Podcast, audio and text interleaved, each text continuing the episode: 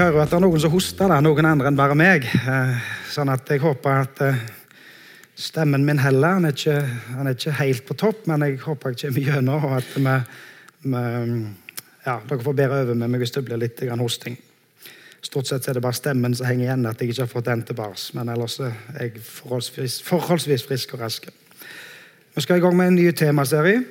Vi har jo liksom begynt på et nytt år, og da begynner vi på nytt igjen. Og da begynner vi helt i begynnelsen denne gang. Eh, ikke så at hvert nyttår så skal vi begynne på første Mosebok, men det skal vi gjøre denne gang. Eh, vi skal i gang med en temaserie som, som jeg ikke har helt klart å sette overskrift på. Gjerne noe i retning av Guds plan. Um, I dag skal vi snakke om begynnelsen. Og så skal vi gå videre utover uh, dette vårsemesteret og snakke om viktige personer og hendelser i Gamle testamentet. Og vi skal ende opp med Jesus i Nytestamentet. Og så skal vi se på hvordan alt dette henger sammen, uh, og hva det har å si til oss. Så det, det er temaplan plan for denne, dette vårsemesteret. Vi skal lese en del tekster. Dere ser noen av de i i møteforlaget. Eh, gjerne litt mye bibelvers, men dere får prøve eh, å henge med. Vi skal begynne i første Mosebok 1.1, helt i begynnelsen. Der står det I begynnelsen skapte Gud himmel og jord. Jorda var øde og tom. Mørket lå over dypet, og Guds ånd svevde over vannet.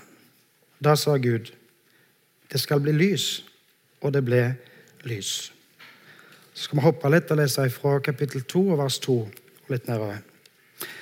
Den sjuende dagen fullførte Gud det arbeidet han hadde gjort, og den sjuende dagen hvilte han fra hele det arbeidet han hadde gjort. Gud velsignet den sjuende dagen og helliget den. For den dagen hvilte han fra hele sitt arbeid, det som Gud hadde gjort da han skapte. Dette er historien om himmelen og jorden da de var skapt. På den tid Herren Gud hadde laget jorden og himmelen. Det fantes ikke en busk på jorden, og ennå hadde ingen plante spirt fram på marken. For Herren Gud hadde ikke latt det regne på jorden, og det var ingen mennesker til å dyrke den. Men en kilde kom opp av jorden og, og vannet hele jordens overflate. Da formet Herren Gud menneske av støv fra jorden. Han blåste livspust i nesen på det, og mennesket ble en levende skapning.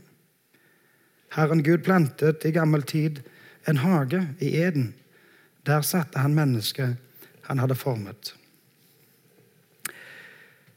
Disse kapitlene, Første Mosebok 1, kapittel 1 til kapittel 3 er sannsynligvis de mest kjente kapitlene i hele Bibelen.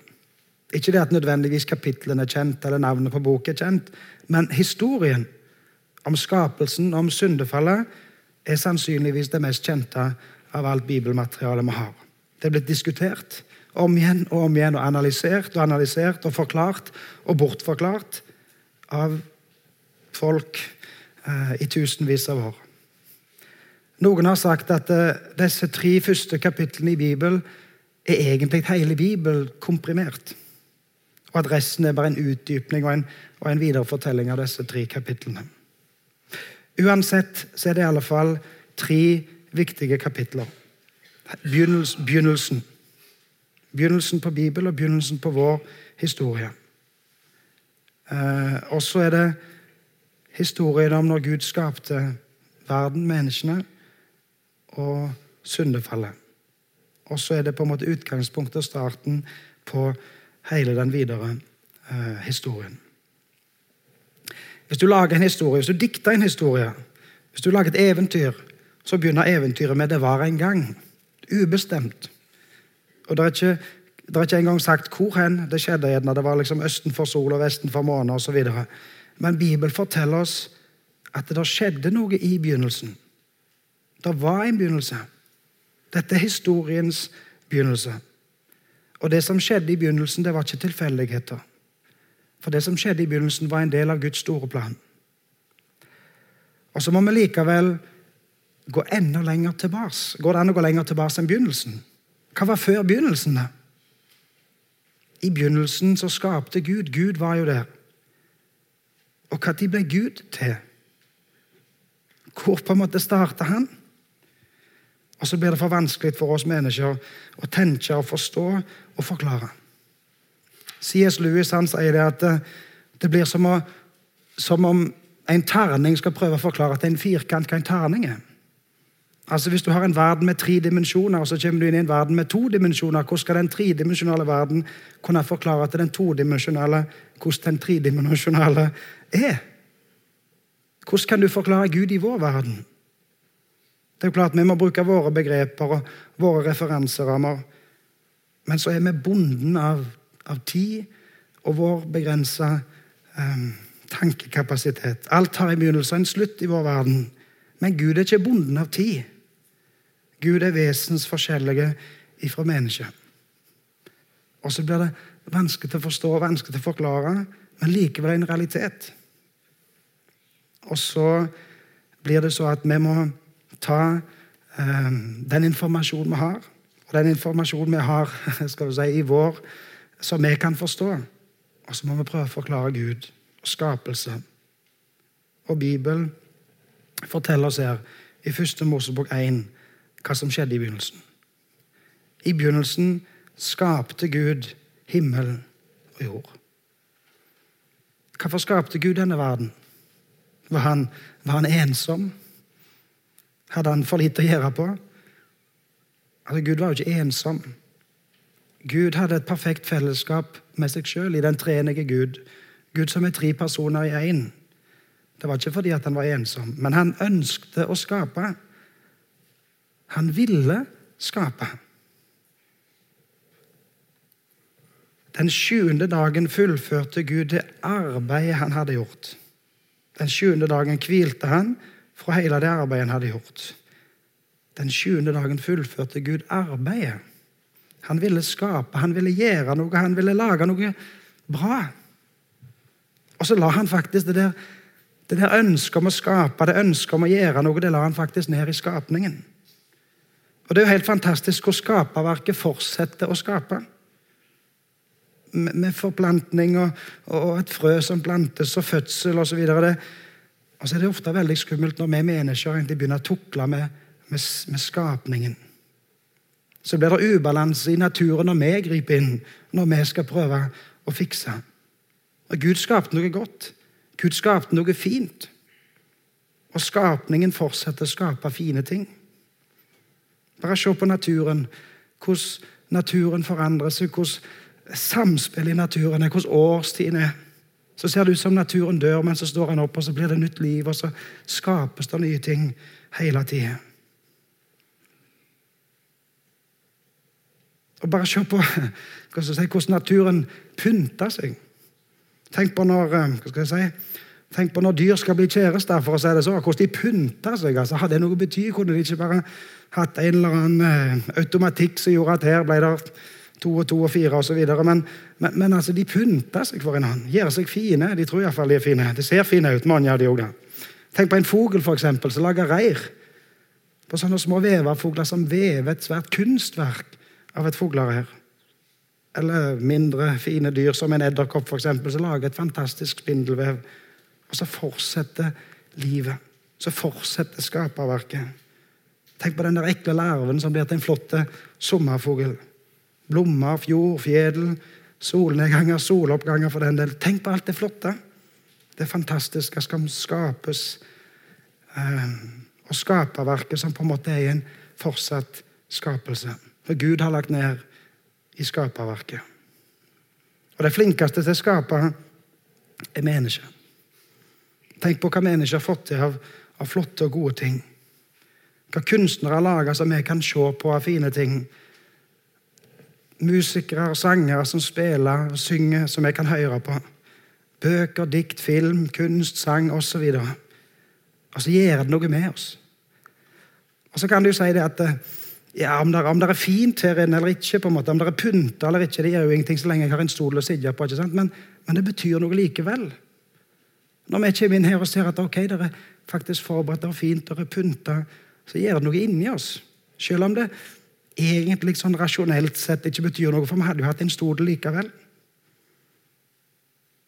Eller tenk på et, et dikt, for eksempel, et kunstverk som faktisk, når du leser diktet, så, så, så får du trøst. Eller en sang som kan gi håp. Kunst som kan røre på ting eh, som vi på en måte ikke kan forklare. Men Gud har lagt ned sånne skaperevner i mennesket. Og Hele samfunnet vårt er jo egentlig bygd opp rundt at vi skaper noe i fellesskap. At vi bidrar til fellesskapet.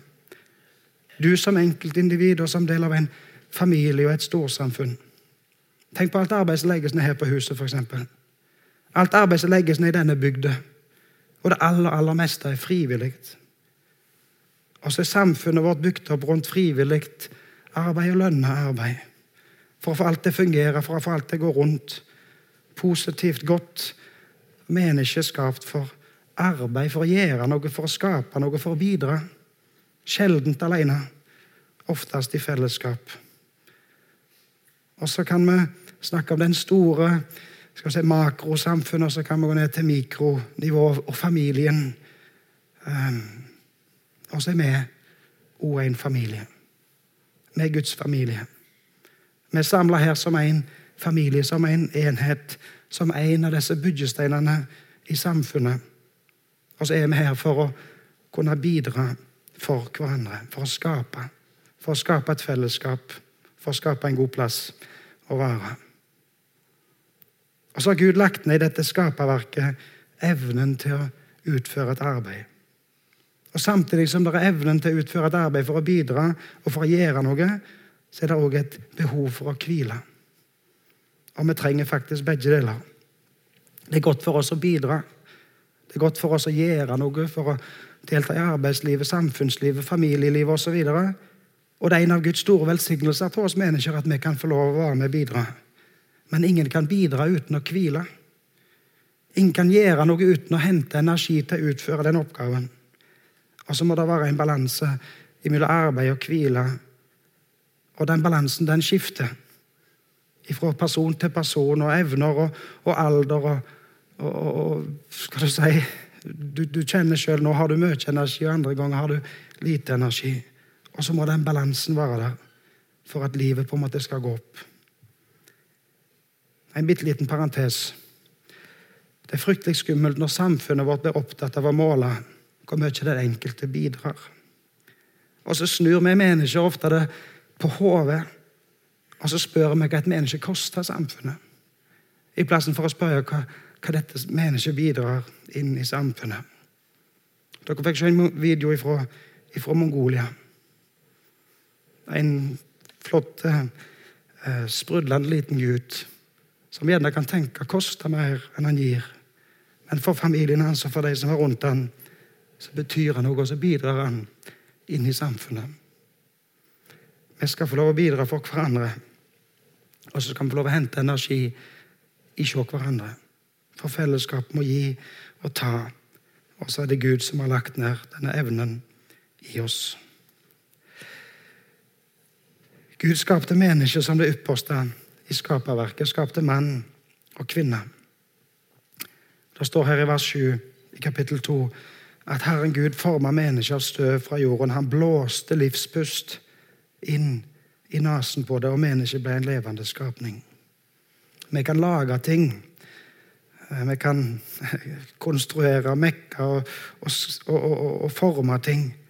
Men det som mennesket lager, er uten liv.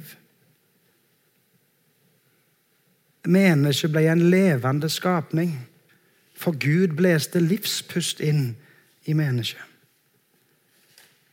Gud skaper liv. Gud har skapt liv i oss, han gir oss liv. Han er livet. Og så plasserte Gud mennesket i hagen med et forvalteransvar for alt det skapte. Gud planta i gammel tid en hage i Eden, og der satt han mennesket som han hadde formet. Og så er vi satt her, plassert her med et ansvar for å forvalte alt dette. Mennesket forvalter skaperverket. Det har mennesket gjort ifra dag én. Og det går som regel godt. Vi er jo som regel flinke til å skape et samfunn som vi kan leve i og ha det godt. Men så går det noen ganger òg katastrofalt dårlig. Og så leser vi i historien vår om krig, om svolt, om katastrofer, om ubalanse i dette som Gud egentlig hadde skapt og tenkt til å være en god måte å leve på. Guds plan var at vi i fellesskap skulle forvalte ressursene våre til det beste for dette skaperverket. At jeg og du, hver en av oss, skulle tenke på å arbeide for fellesskapet. Bruke våre ressurser, evner, tid og krefter til å bygge et samfunn og ta vare på skaperverket. Skape en god plass å leve. Fra det minste til det største samfunnsfellesskapet. Og så gjelder det ifra vårt samfunn her på Vea og ut i det store oppdraget i hele verden. Tenk at vi får lov å stå i en sammenheng der vi kan få lov å bidra på Vea, her lokalt. Og så kan vi også samtidig få være med og bidra i Mongolia og i hele verden. Det er gjerne ikke helt eh, Ikke sikkert bedehusstyret ble glad i meg når jeg sier det, men må det ikke bli så at vi bare tenker på oss sjøl? Nå skal vi bygge bedehus til 25 millioner, gjerne. Måtte det ikke bli så at vi kun gjør det? At det kun er her på Vea vi bidrar? Måtte det bli så at vi bidrar her på Vea positivt, men òg at vi tenker på andre, at vi ser større, at vi ser lenger enn bare oss sjøl. Og Vårt store forbilde og vårt store eksempel er jo Jesus sjøl. Han som kom til oss for å bidra. Han som gjorde alt godt. Han som la han en enorm innsats. Ja, han som gav alt. Han gav jo til og med livet sitt for oss. I begynnelsen. I begynnelsen var alt godt. Et fantastisk utgangspunkt. Men så setter Gud en begrensning. Hvorfor gjør Gud det? Han sier det er ett tre her i hagen som dere ikke skal ete av. Gud må jo ha visst det at fristelsen blir for stor. For når slangen kommer, den vonde, og stiller spørsmål til har Gud sagt er det så nøye, ikke hør på han. Se hvor godt det treet ser ut. Så vet jo mennesket egentlig hva som er rett, hva Gud har sagt. Og mennesket ønsker nok å gjøre det rette, men så velger de galt likevel. Mot Guds bud, mot det som Gud har sagt.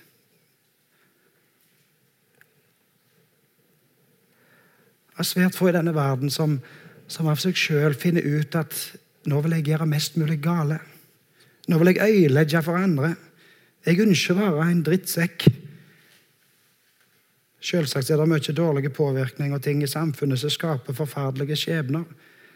Men folk ønsker jo egentlig i utgangspunktet å bidra positivt. Ønsker å engasjere seg for noe som de tror på. Men likevel så vet vi at denne verden er ikke perfekt. Alt er ikke godt. Det skjer mye vondt. Og hva for det? Ordtaket sier at det på seg sjøl kjenner vi andre. Og så kjenner vi oss igjen i historien i Edens hage. Adam og Eva. Det er kun ett tre som de ikke skulle ete av. Det var fritt og godt å ete av alle andre trær, hele hagen. Og så bryter de det eneste forbudet som Gud har gjort. Kjenner vi oss igjen? Det er som om regler er til for å brytes av og til. Og Bibelen beskriver mange sånne brudd på Guds vilje. Altså, Ikke engang heltene i Bibelen beskrives som perfekte. Han ramser de opp fra Adam til Noah til Abraham til Moses til David til Peter. Hvorfor lager ikke Gud en perfekt historie? Å skrive en perfekt historie gir oss noe perfekt. Jeg finner i alle fall det at Bibelen stemmer med realiteten. Det er faktisk sånn. Selv om jeg ikke forstår, selv om jeg skulle ønske at ting var annerledes, så stemmer faktisk det som beskrives i Bibelen, med sånn som jeg kjenner det på innsida av meg sjøl. Hvorfor? Smarte, tenkende mennesker stiller ofte spørsmålet 'hvorfor'. Spørsmålet 'hvorfor' det driver oss jo til mer kunnskap. Det er utviklende og det er bra, og det spørsmålet hvorfor det stilles til innlysende spørsmål, og det stilles til vanskelige spørsmål.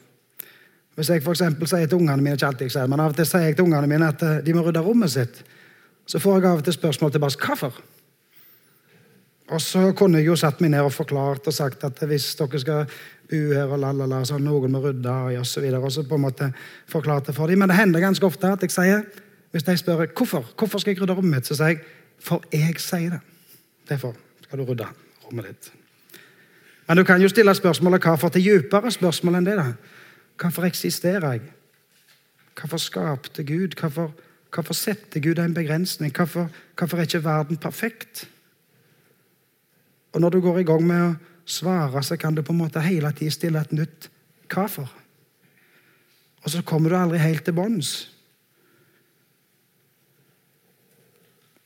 Å søke å finne svar på spørsmålet hvorfor, det, det er bra. Det er utviklende. Men jeg vil likevel påstå at det er noe som er viktigere. Altså Når realiteten er den han er, om du kan forklare det eller ikke, så er det viktigere at du kan svare på hvordan du skal forholde deg til denne realiteten, enn å forklare hvorfor. Å forholde seg til realiteten er viktigere enn å forklare hvorfor det ble så. En av det enkleste bildet som sikkert er brukt opp for lenge siden, er jo hvis du er på en båt som tar inn vann og synker. Så blir det viktigst å redde seg sjøl og andre. Og det blir mindre viktig å finne hull og spørre hvordan hullet kom her, og hva som skjedde. Altså, Det er jo viktig, da. Det er viktig å spørre seg hvordan kunne dette skje for å forhindre ulykker i framtida osv. Men det hjelper jo lite hvis du går unna med båten. Du må forholde deg til realiteten. Og så kjenner jeg meg igjen i historien som Bibelen beskriver. Selv om jeg skulle ønske at det var annerledes, så lever jeg heller ikke opp til, til standarden sjøl. Verken den standarden som jeg setter for meg sjøl, eller den som samfunnet setter for meg, eller den som Gud setter for meg. For det hender jo at jeg gjør dårlige valg. Og Ofte så, så, vet jeg faktisk når jeg velger at dette valget er et dårlig valg. Og så er det frustrerende. Jeg går på en måte inn i det med åpne øyne, sånn som Adam og Eva gjorde. Og så slår det meg med en gang at nei, dette var dumt. Da må du ikke misforstå. Det hender jo at jeg gjør noe bra. da, altså Alt er ikke helt svart. Det hender til og med at jeg av og til er fornøyd med ting jeg gjør. Men, men det hender at jeg kjenner meg igjen. For det er noe i meg som gjør det så at jeg, at jeg gjør ting som jeg egentlig ikke ville gjort. Og Bibelen kaller det for synd. Hvorfor velger jeg sånn? Jo, for det er synd i meg. Og det må jeg forholde meg til om jeg liker det eller ikke. Og I denne verden så får du mange gode råd, mange velmenende råd. Og mange råd er gode, men det er kun én som kan gi deg løsningen. Det er kun Han som skapte deg, som kan gi deg løsningen på ditt største problem. Hvorfor er det sånn? Hvordan skal du forholde deg til realiteten sånn som den er? Gud, som hadde skapt Adam og plassert han i hagen, kom til hagen. Kom inn i Adams verden. Gud kom inn i Adams verden. Og Så leter han etter Adam og så spør han, Adam, hvor er du henne? Men Herren Gud ropte på mannen og sa, 'Hvor er du?' Han svarte, 'Jeg hørte lyden av det i hagen og ble redd fordi jeg er naken og gjemte meg.' Da sa han, 'Hvem har fortalt deg at du er naken? Har du spist av treet jeg forbød deg å spise av?' Mannen svarte, 'Kvinnen som du ga meg å være sammen med, hun ga meg av treet, og jeg spiste.' Herren Gud spurte kvinnen, 'Hva er det du har gjort?' Kvinnen svarte, 'Slangen næret meg, og jeg spiste.' Gud kommer inn i hagen. Så spør han hvor er du Og så kommer Gud inn i vår verden, og så spør han hvor er du Det er egentlig ikke så vanskelig å høre han. Gud gjør seg kjent for oss i, i skaperverket når vi ser rundt oss, i samvittigheten, i andre som du møter. Aller tydeligst gjør han seg kjent for oss i sitt ord, når du leser hans ord eller hører hans ord. Hvor er du henne? Hva gjør Adam når, når Gud spør hvor han er? Jo, han gjemmer seg for Gud. Adam visste at han hadde gjort noe galt. Og så ble det vanskelig for Adam å møte Gud. Hvorfor er vi redde for Gud? Jo, for vi vet jo at det er noe som ikke er helt i orden.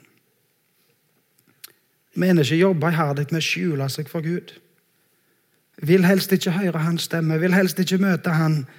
og prøve å bortforklare Gud og prøve å bortforklare realiteten.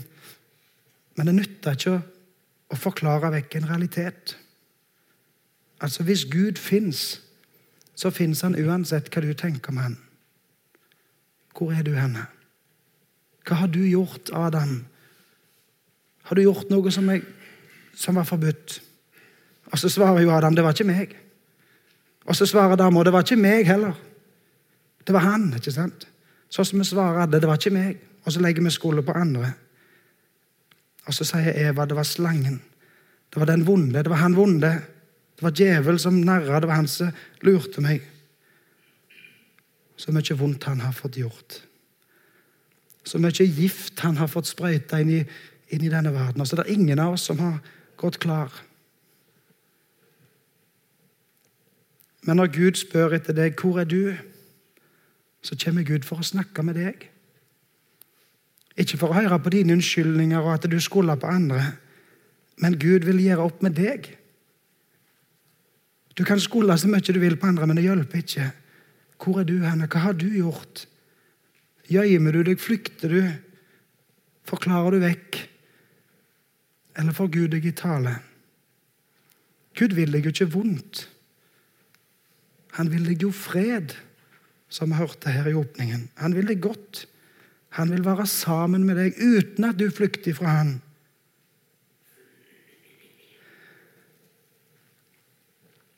Vi leser i de neste versene hva konsekvensene blir for menneskene og for slangen. For slangen så blir det fiendskap. Fiendskap eh, I vers 15 her så står det 'Jeg vil sette fiendskap mellom deg og kvinnen'. Mellom din ett og hennes ett. Hva er, er, hva er det som er hennes ett? Hva er det som er kvinnens ett? Vi leser jo om Jesus at han er født av en kvinne, født under loven. Altså, Han er kvinnens ett. Og han kom inn i kvinnens verden. Han ble født og ble, ble kjøtt og blod. Med samme forbud og begrensninger som vi har i denne verden. Altså, Han var jo Gud, altså, han gjorde under, han gikk på vannet, men han måtte hvile, han, og han måtte sove, han måtte ete, han ble trøtt, han ble lei seg. Han ble jo til og med drept. Han levde under loven, men han brøt aldri loven. Han som er kvinnen sitt, sin ett. Han skal ramme slangen sitt hode. Jeg vil sette fiendskap mellom deg og kvinnen, mellom din ett og hennes ett. Den skal ramme ditt hode, men du skal ramme dens hæl. I eh, den, den, eh, oversettelsen som heter Norsk bibel 88, så står det at eh, han skal knuse ditt hode, og du skal knuse hans hæl. Jesus skal knuse slangen. Jesus vinner over slangen. Jesus vinner over det vonde. Slangen skal kun få lov å ramme hælen. Det kan gjøre vondt å bli rammet i hælen, men du kan jo leve videre med en skade i hælen. Hodet er mer alvorlig. Slangen, den vonde, får lov å gjøre mye ugagn, får lov å bite for å si det sånn, i hælen. Men seierherren er Jesus. Han som vinner, han som seier over det vonde, det er Jesus. Han skal ramme ditt hode, men du skal ramme dens hæl.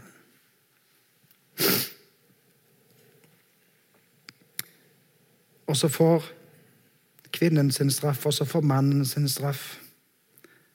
Og Hvis vi leser det siste verset av det vi leste, i vers 19, så står det med svette i ansiktet skal du spise ditt brød inntil du vender tilbake til jorden, for av den er du tatt. Støv er du, og til støv skal du vende tilbake.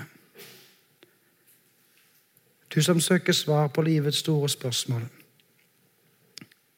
Hvorfor er jeg her? Hvem har, skapt meg? Hvordan skal jeg forholde meg til det livet jeg har fått? Hvordan skal jeg leve livet mitt på best mulig måte? Fra begynnelse til slutt. Hvordan bør jeg forholde meg til dette livet? Du må søke svar ifra Han som har skapt deg. Ifra Han som har skapt alt. Livet ditt her på jord har en begynnelse og en slutt. Til støv skal du vende tilbake. Du er faktisk avhengig av Gud ifra den dagen du blir unnfanget, til den dagen du dør. Det er ingen andre som kan gi liv. Ingen andre som kan skape liv. Og når du vet at livet her er mer enn bare de årene du får, så er det bare Jesus som kan gi evig liv. Det er bare han som kan ta seg av deg. Det bare han som har en omsorg for deg som varer både de året du har her på jord, og lenger enn det. Gud spør hvor er du henne. Gud vil inn i livet ditt. Han vil inn på din arena, inn i din verden. Og må Gud få lov å slippe til. Må han få lov å komme inn i ditt liv. Han som vil seire til slutt. Han vinner over det vonde. Han knuser slangen sitt hode. Han er seierherren, og han er på lag med oss. Han vil gi oss liv. Han vil gi oss evig liv. Skal vi be. Kjære Jesus. Takk for at du kom til oss. Takk for at du bryr deg om oss. Takk for at du vil gi oss fred. En helt annen fred enn den som vi finner her i verden, men fred som er fra deg. Fred med Gud. Takk for at du skaper liv. Gir oss liv, gir oss evner, gir oss ressurser. Hjelp oss, Gud, til å forvalte dette på en god måte. Til å bidra positivt, til å gjøre det godt.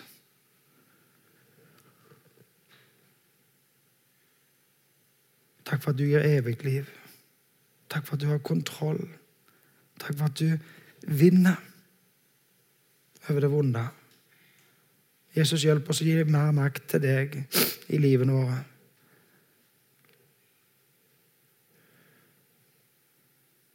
Jeg vil be deg for bedehuset vårt, for årsmøtet på onsdag, for samlingene skal være denne veka. Og vi får lov å ha det så her på bedehuset at du er en del av forsamlingen vår. At du skaper et godt fellesskap. At vi får lov å bety noe for mer enn oss sjøl. Både her på Vea og lenger ut. Hjelp oss å ha omsorg for hverandre. Og Jesus har lyst i dag å be deg spesielt for de som kjenner på savn. Og ber om at du må gi trøst som kan gi trøst langt mer enn vi kan fatte og forstå. Hvis du legger resten av dagen i dine hender, må du være med oss for ditt navns skyld. Amen.